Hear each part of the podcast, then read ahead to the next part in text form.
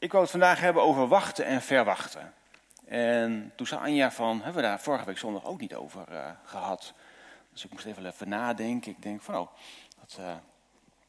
dus ik ging, ik ging even kijken. Ik denk, ja, de, nou, de titel was toen ook wel wacht, wachten op volgens mij. Even kijken hoor. Um... ik heb het opgeschreven. Oh, vol verwachting was vorige, vorige week de, de titel van de preek. Dus ik had heel even gekeken, oh, uh, is er nou allemaal gras van mijn voeten weggemaaid? Want bij mij gaat het altijd zo, als ik, met, als ik uh, ga preken, dan, dan krijg ik altijd van God op de een of andere manier door waar ik het over mag hebben. En ik weet niet, ja, dat, dat, dat gaat bij mij altijd. Ik denk dan van, nou goed, ik moet preken, waar zal ik het over hebben? En dan is het vaak uh, iets van poef. En dan, nou ja, dan heb ik iets in mijn hoofd zitten. En dan ga ik daarover nadenken. En nou, meestal gaat het dan door. Ook heel soms gaat het daarna weer een andere kant op. Maar nou ja, iedereen die heeft zo zijn eigen manier hoe die, nou, hoe die met God praat, hoe die van God dingen doorkrijgt.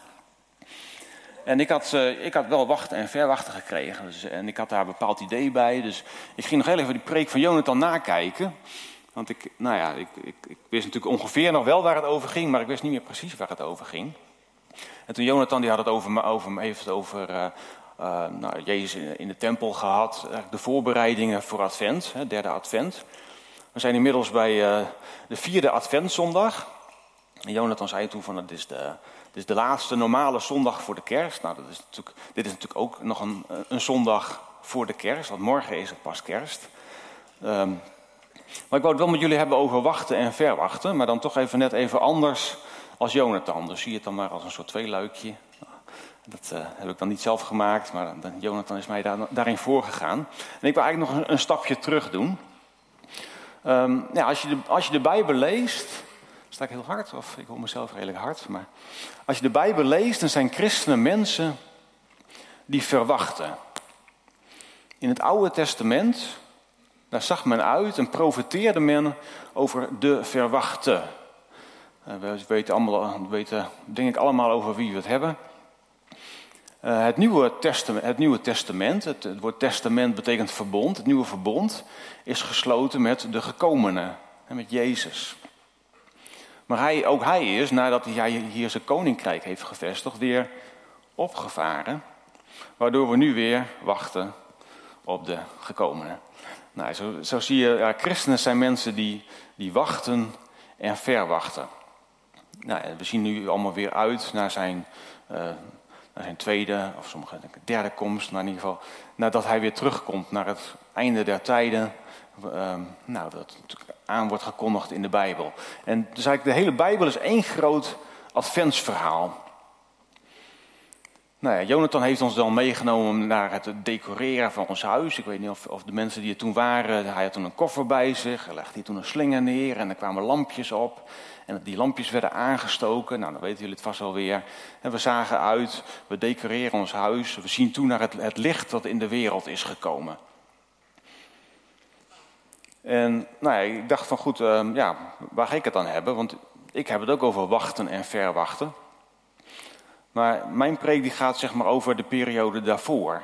Want wij, als je in de, in de Bijbel kijkt, dan, dan wachten we. Dan, er staan er heel veel verhalen in waarin wordt, behoorlijk wordt gewacht. En ik denk dat ik met mijn recht daar best wel over mag preken. Want als we het over wachten hebben, dan kan ik jullie best wel vertellen dat hier een ervaringsdeskundige staat. Ik heb drie vrouwen thuis. En ik kan jullie zeggen, ik ben echt een ervaringsdeskundige in het wachten. Ah. Al, al, moet ik de, al, al gebied de eerlijkheid mij te zeggen dat ik ook wel eens op Rome moet wachten. En als ik nog eerlijker ben, dat ze ook wel eens op mij moeten wachten.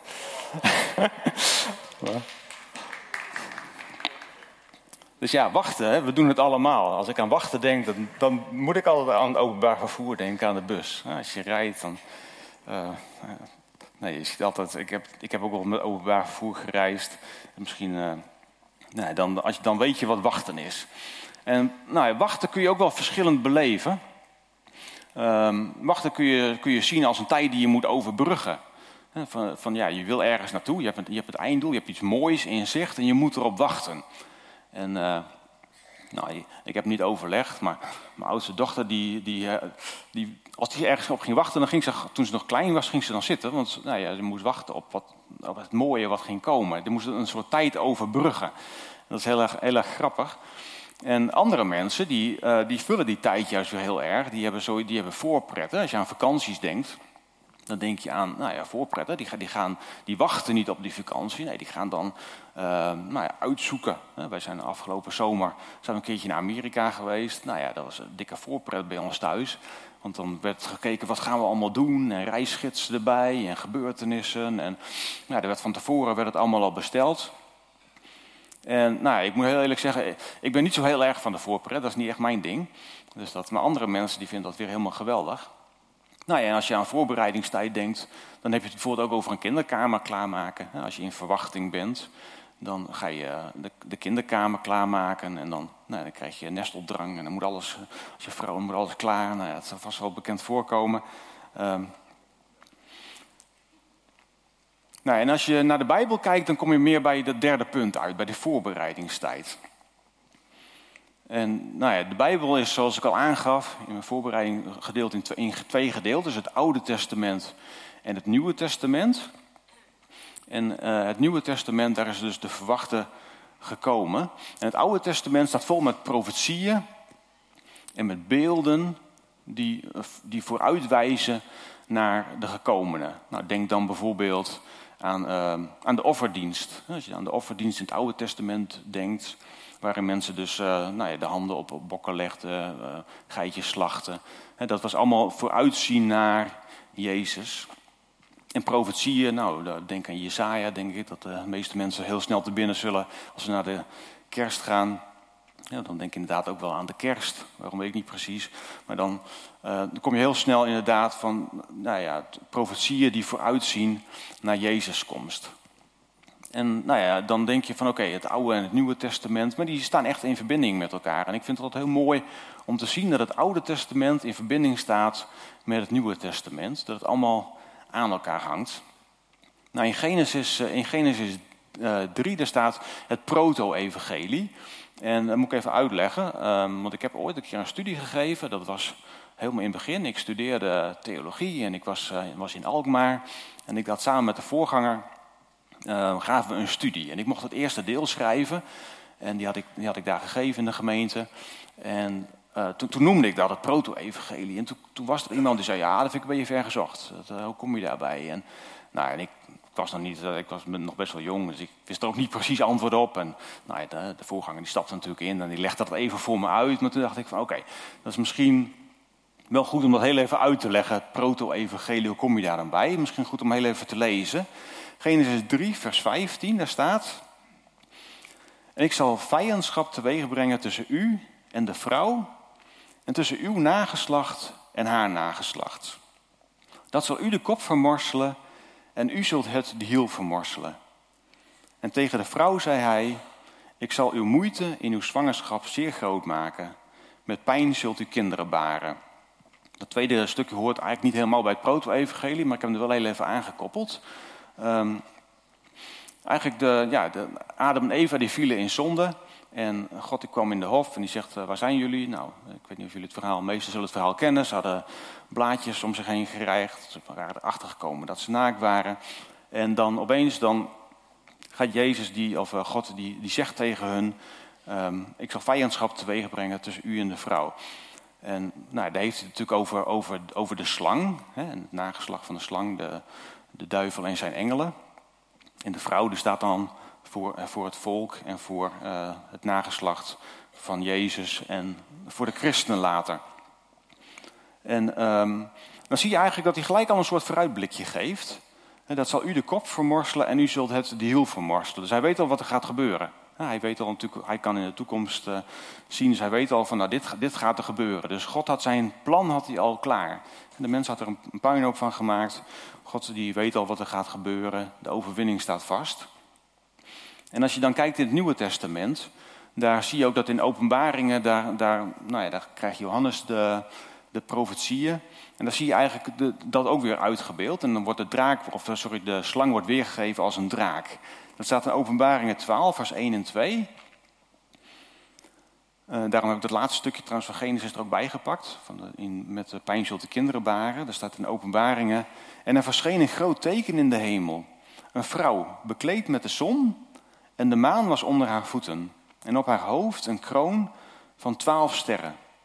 En zij was zwanger en schreeuwde het uit in baresnood. In haar pijn om te baren. En dan gaat in vers 17, dan slaan we een klein stukje over. En in vers 17 gaan we dan verder. En de draak werd boos op de vrouw en ging heen om oorlog te voeren tegen de overige van haar nageslacht. Die de geboden van God in acht nemen en het getuigenis van Jezus Christus hebben. Eigenlijk hier zie je eh, de vervulling ook van wat er eigenlijk in Genesis al wordt aangekondigd. Nou, die vervulling is natuurlijk, uh, is natuurlijk Jezus die op aarde is gekomen en Ehm, nou ja, die op een gegeven moment ook moest, moest vluchten. Jezus moest op een gegeven moment ook vluchten naar Egypte. Als je het verhaal uh, doorleest. Nou, we komen nog met de kerst, dus ik wil er niet te veel op de kerst vooruit lopen. Anders ga ik misschien gras voor de voeten wegmaaien. En dan krijg ik allemaal boze blikken van Michel. Van. oh, ik krijg een zegen van Michel, zie ik. Dus het, komt, het komt goed. Um, nou, zo kan het ook in ons leven zijn. Hè? Wanneer wij uh, dingen, wanneer ons dingen overkomen waardoor we stil worden gezet, dan kunnen we dat als verloren tijd zien. Je moet wachten, verwachten. En je kunt het als verloren tijd zien. Je kunt ook een hoop ellende qua, uh, overkomen. Maar er kunnen natuurlijk ook mooie dingen in je leven gebeuren die je voorbereiden. Je kunt, je, je kunt als ellende je baan, je baan kwijtraken. Je kunt ziek worden, overspannen worden, waardoor je wordt stilgezet. Uh, en dan breekt er een tijd van wachten aan. En God brengt geen ellende in ons leven om ons te laten wachten. Maar hij geeft altijd weer de mogelijkheid om hier een getuigenis van te maken. Om ons voor te bereiden op de dingen die nog gaan komen. In Romeinen 8, daar staat, God laat we, um, daar staat Romeinen 8, 28, daar staat dat God alle dingen laat meewerken ten goede. En dat, soms zie je dat vaak achteraf. Het is vaak niet zo als je iets meemaakt en denkt, ah, oh, dan gaat God meewerken ten goede. Nee, vaak als je terugkijkt op de gebeurtenissen in je leven, dan zie je dat God er iets moois van heeft gemaakt. Dan zie je dat God dat heeft gebruikt of kan gebruiken. Maar dat heeft natuurlijk ook met je houding te maken. Van ja, wil ik mij laten gebruiken? En al deze levenservaringen, daardoor bereidt God ons voor op nieuwe dingen. Ik had de preek bijvoorbeeld ook voorbereiden kunnen noemen. Ik heb hem nu wachten en verwachten. Maar ik kan hem ook voorbereiden kunnen noemen, omdat het in de tijd dat je wacht en dat je verwacht, bereid je je ook voor. En dat wachten, dat hoeft niet iets passiefs te zijn. Je hoeft niet inderdaad te gaan zitten van, nou, ik moet deze tijd even doorkomen om bij het eindpunt te komen. En uh, nou ja, als je kijkt naar, uh, ja, God houdt van voorbereidingen. God houdt van voorbereidingen. Nou, als je aan de kerst denkt, dan denk je natuurlijk over aan Jozef en Maria en de engelen, of en de herders, en de engelen die bij de herders kwamen. Maar op maanden daarvoor ging, ging God aan het werk om dat voor te bereiden. Hij ging een, uh, een, een, ster aan de hemel zetten en, en wijzen. Uh, nou, of dat nou astrologen waren, we weten niet precies wie dat waren.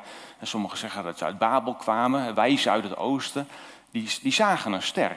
En dan, nou ja, wat je dan ziet in onze tijd, als je erover gaat lezen, is dat mensen proberen dat dan altijd te gaan, uh, te gaan begrijpen. Hè? Wat is dat dan? En dan zie je dat uh, nou, in 6 voor Christus, daar stonden Jupiter en Saturnus, die stonden in één lijn, waardoor dat dan wat groter leek. En uh, nou ja, zo heb je anderen die zeggen weer van het was een komeet. Nou ja, kometen die, die stonden vaak in die tijd voor onheil, dus dat, dat lijkt me niet handig dat, dat ze dan denken dat er een koning is geboren. Nou, als je dan gewoon naar de Bijbelverhaal gaat kijken, en dan zie je dat op een gegeven moment komen de wijzen komen in Jeruzalem. En dan, uh, dan hoort eh, Herodes, of nee, dan gaan ze naar Herodes toe en dan vragen ze waar de koning is. Ze gaan natuurlijk naar de, eh, naar de koning toe. Dus gaan ze de koning vragen van uh, waar is nu eigenlijk de, de nieuwe koning geboren. En nou ja, als je het verhaal kent, dan weet je dat Herodes die had zoiets van, oh, uh, is er een nieuwe koning geboren? Nou, daar moet een stokje voor steken. Dus dan moeten die wijzen na tijd weer bij hem terugkomen. Hè, om aan te wijzen waar dan de koning is geboren. Zodat, ze hem kunnen zodat Herodes hem kan, kan doden. En nou, God heeft natuurlijk ingegrepen. In ieder geval, de wijzen die, die trekken dan bij Herodes vandaan en die zien en dan komt die ster weer tevoorschijn. Nou ja, uh, het is niet zo dat hij dan weg was. Ik, denk dat het bewolkt was en dat, dat de wolken weer opentrok. Maar dan zie je eigenlijk daar zie je eigenlijk hetzelfde verhaal staan als het volk wat door de woestijn strok. Er staat van, je kan het wel even lezen, uh, Matthäus 2, vers 1 en 2 staat dat. Er staat, toen nu Jezus geboren was in Bethlehem, in Judea in de dagen van koning Herodes, zie, wijzen uit het oosten kwamen in Jeruzalem aan en zeiden, waar is de koning van de Joden die geboren is? Want wij hebben zijn ster in het oosten gezien en zijn gekomen om hem te aanbidden. Dan slaan we een stukje over. Dan gaan we naar vers 9 en 10. En nadat zij de koning aangehoord hadden, gingen zij op weg. En zie, de ster die zij in het oosten gezien hadden, ging hun voor. Totdat hij boven de plaats kwam te staan waar het kind was. En toen zij de ster zagen, verheugden zij zich met zeer grote vreugde. Dus ze zagen de ster even niet en toen zagen ze de ster weer. En nou, de, de ster ging hun voor. En dat doet me aan, aan de wolk en de vuurkolom denken van toen het volk door de woestijn ging. Want ik denk als de ster heel hoog ging, dat hij dan precies boven. Je, ziet wel eens een keer in, in tekenfilms of zo, dat er dan een ster boven de herberg staat. Dan komt er zo'n licht naar beneden, die wijst echt de herberg aan. Nou, ik, denk, ik denk persoonlijk niet dat het zo ging. De, de, de, ster ging hun voor. En als dat een natuurlijk verschijnsel was van sterren op weet ik hoeveel grote afstanden, lijkt me een heel moeilijk verhaal. Dus ik denk dat, we, dat je hier rustig een goddelijk um, voorbereiden uh, in mag zien. Nou, belangrijke eh, gebeurtenissen in de Bijbel worden vaak voorafgegaan door een periode van rust. En ook vaak aan een mindere periode in het leven. De, de voorbeelden die stapelen zich op als je de Bijbel doorleest. Nou, als je aan Mozes bijvoorbeeld denkt, die was opgegroeid aan het hof van Farao. Nou, die was, was misschien op weg om uh, onderkoning te worden of koning. En nou ja, die sloeg dan een, is een, een, een uh, man van Farao dood en die moest vluchten. Als je het verhaal kent. Nou, die was daar best wel lang daarna herder. Ja, op zijn veertigste deed hij dat. Veertig jaar lang is hij herder geweest. En op zijn tachtigste werd hij dan weer door God geroepen. Ik denk, eh, wat voor periode van wachten is daar wel aan te pas gekomen. En ik denk bij Mozes, die had niet eens verwacht dat hij door God werd geroepen. Ik denk dat hij er helemaal geen rekening mee had gehouden. Maar God heeft hem voorbereid. Hij heeft hem niet voor niks aan het hof van Farao laten opgroeien. Of hij heeft dat in ieder geval gebruikt. En er gebeuren, niet alles wat in je leven gebeurt, wordt voorbereid door God. Maar God kan het wel gebruiken. En zo is dit ook gebruikt. Um, nou, Jozef, Jozef die, um, ja, die vond zichzelf wel heel veelbelovend. Hè. Die had een mooie, een mooie jas gekregen. En die zat op te scheppen tegen zijn broers van... Uh, zie mij, jullie gaan... Uh, ik, heb, ik heb gedroomd. Nou ja, je weet hoe het afliep. Die broers vonden dat niet leuk. Gooiden hem in een kuil, verkochten hem.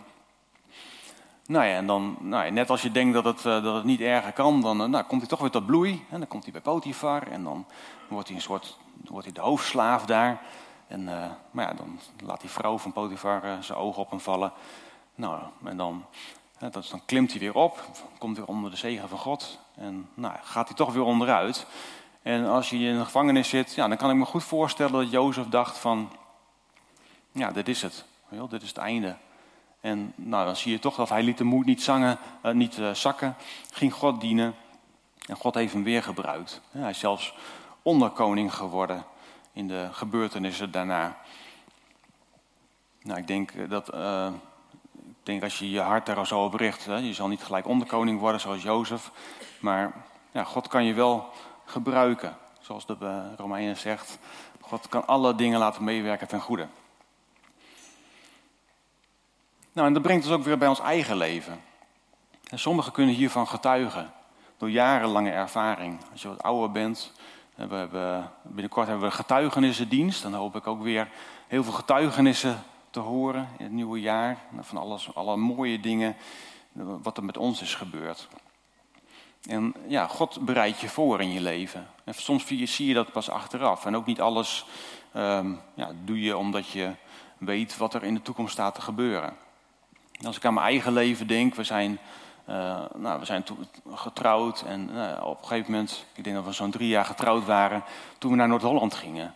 Um, nou ja, ik, ik, weet nog dat ik, ik was toen nou ja, gereformeerde jongen. Ik had helemaal niet uh, het gevoel dat ik heel erg met God praatte. Maar ik weet nog dat ik toen tegen God zei van, nou ja, als dit en dit gebeurt, dan, uh, dan, dan moet ik gaan. Ik had het in de Bijbel gelezen, dat was wel mooi. Hè? Je kon God wel om een teken vragen. En dat gebeurde helemaal niet. En toch sprak God toen tot mij van, je moet het wel doen. En ik weet nu achteraf niet meer precies hoe dat ging. Maar ik weet nog dat ik, dat ik zeker wist dat we moesten gaan. En uiteraard hadden we het daar met z'n tweeën over. En het was best een grote stap. We zijn, uh, geboren in Zuidwolde en uh, we, zijn daar, uh, we woonden daar. En toen gingen we naar Noord-Holland. En we hadden daar een koophuis en we konden daar eerst nog niet in. We moesten eerst naar Julianadorp. Helemaal bovenaan in Noord-Holland, vlakbij Den Helder. En nou ja, we hebben daar zo'n tien jaar gewoond. En dan zie je, dan ga je daar bezig. En dan de dingen die je daar gedaan hebt, daar heb je ook met een bepaald plan voor in je hoofd. Van nou, misschien dat ik dat en dat ga doen. En toch gaat het dan allemaal anders lopen. Ik ben toen theologie gaan studeren. Ik had zoiets van, nou, ik wil misschien voorganger worden. Maar er, er kwamen dingen in mijn leven waardoor dat niet doorging. Dus ik heb het toen aan de kant gelegd. Um, ik ben gaan uh, lesgeven bij Agape. En nou ja, dan zie je toch, uh, ja, God gaat het later weer gebruiken. Ik ga dit jaar ga ik, uh, weer ga ik lesgeven bij Cleansing Stream. Het is een bekende cursus. Dat gaat dit jaar, uh, ze hebben de naam veranderd naar Stromen van Leven. Nou, dan, dan zie je dat, dat zeg maar, God gebruikt dingen in je leven. Je bereidt je voor. En dat weet je niet van tevoren dat God je zo gaat gebruiken. Maar als je hart is van nou, gebruik mij, dan gaat God je gebruiken. En het kunnen ook minder leuke dingen zijn die God je gebruikt. Als gemeente komen we ook uit een lastige periode. En de afgelopen tijd zijn we best wel stilgezet. En hebben we ons voorbereid. En je ziet nu dat er nou, weer een hele mooie beweging komt. Het wachten en het verwachten heeft nu al zijn vruchten afgeworpen en gaat in de komende tijd ook zijn vruchten afwerpen. En wat, wat verwacht je daarvan? hoe is je hart? En dat brengt ons ook bij ons eigen leven. Waar, zijn we, waar is hij mee bezig in jouw leven? Ben je jong? Zit je nog op school? Ben je aan de studie? Nou, zie dat als voorbereidingstijd. Gewoon op wat God kan komen. Of, wat God kan doen in je leven. En dat hoeft helemaal nog niet dat je kunt zeggen van dit gaat God doen. Maar wees je van bewust dat wat je doet, dat God het later kan gebruiken. Je wordt door, je wordt door God gebruikt en gevormd. En hij gaat het later meewerken, laten meewerken ten goede. Misschien ga je door een rottige periode in je leven. Misschien zeg je zelfs wel, ik zie het helemaal niet meer zitten. Ik, heb echt, ik ben ziek, ik ben werkloos, ik ben beschadigd. En mag God dat gebruiken? hoe is je hartgesteldheid? Mag God dat gebruiken als een, uh, als een getuigenis later? En mooie en minder mooie dingen gebeuren. En houd je het vertrouwen op God, net als Jozef, die tot twee keer toe dacht van ik klim er weer uit, onderuit ging en toch zijn vertrouwen hield op God. Onderkoning zou je er waarschijnlijk niet meer worden. Maar God kan jou gebruiken en hij kan je getuigenis gebruiken. Want hij laat dingen meewerken ten goede. Ik stel voor om een eh, moment te nemen om na te denken waar God mee bezig is in jouw leven. Wat hij gedaan heeft de afgelopen tijd. De mooie dingen, de minder mooie dingen. En dan het ook bij God neer te leggen. Van hoe kan God dat gebruiken? Uh, ja, bied je God ook aan om dat te gebruiken. Om dat om te uh, draaien naar iets moois. Het is goed om daar even over stil te zijn. En dan, um, als we stil zijn geweest en we hebben gezegd van... Uh, je weet van, oké, dit is God aan het doen in mijn leven. Om dan ook met mij in gebed te bidden dat God dat mag gebruiken. Dat God dat mag omkeren ten goede. De slechte dingen omkeren ten goede en de goede dingen mag gaan gebruiken voor in jouw leven of misschien in het leven van andere mensen. En dan zou kunnen, voor degenen die dat dan willen, die mogen dan gaan staan en die kunnen dat met me bebidden. Ik wil eens het moment van stilte geven.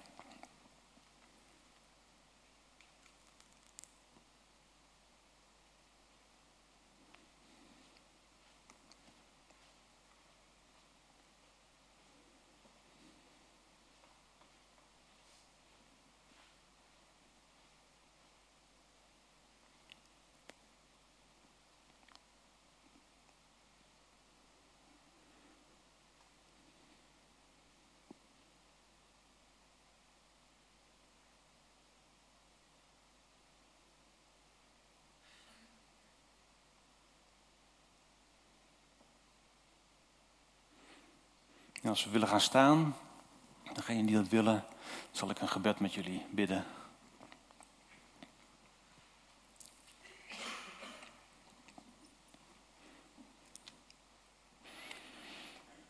Ja, vader, wachten en verwachten. Voorbereidingstijd. We komen bij u, vader. Omdat wij wachten en verwachten voor wat u gaat doen. Vader, u kent ons, u kent ons leven.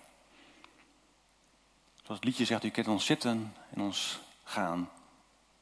Vader, ja, u weet waar wij doorheen gaan in ons leven.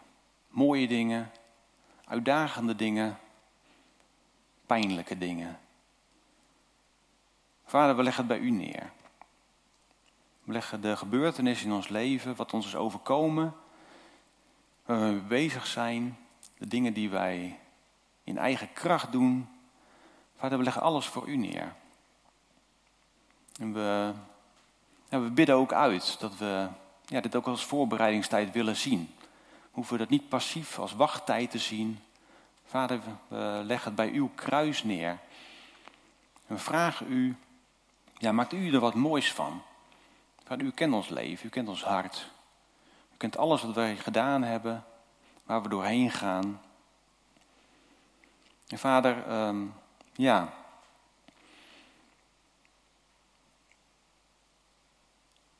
U hebt het grote plaatje. Wij kijken vaak tegen de bergen op. Maar u zweeft erboven als een arend en u ziet wat wij niet zien. U ziet de mogelijkheden die wij niet zien.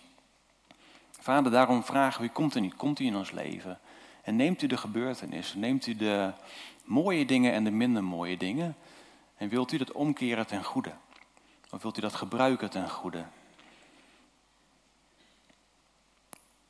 Vader, zodat wij ook mogen voorbereid zijn op, uh, ja, op de komende tijd, op wat gaat komen, op waar we naar uitzien. Vader, we zien al uit naar het licht wat straks komt in de wereld met de kerst. Dat we ook uh, vanavond en morgen gaan gedenken. En vader, ze mogen ook uitzien naar wat u gaat doen in ons leven. Het licht wat u gaat brengen in ons leven. Ook als we nu door een donkere periode gaan, dan mogen we weten, u brengt licht in ons leven. U bent het licht, vader. En u zult ons uit het donker halen en in het licht brengen. U heeft ons een nieuw hart gegeven. En daarom mogen wij dat hart ook weer aan u geven. De gebeurtenissen aan u geven. Vader, we, ja, we leggen alles voor u neer. We kunnen ja, zo weinig uit onszelf, vader. We hebben uw hulp daarbij zo hard nodig. vader, we, we prijzen uw naam voor wie u bent. We prijzen u omdat we weten dat u met ons meegaat. Dat u ons aan de hand neemt. Dat u door de donkerste periode onze hand vastpakt. En soms ons zelfs optilt. Om, ja, waar wij zelf niet verder kunnen, om dat zo met ons mee te gaan. Vader, hier zijn wij. Hier zijn wij met onze gebeurtenissen. En we bieden ons aan, Vader, zodat u er wat moois van kan maken. En we zien uit en we wachten en we verwachten en we zien uit wat voor moois u allemaal in ons leven kunt doen. we prijzen uw naam. Amen.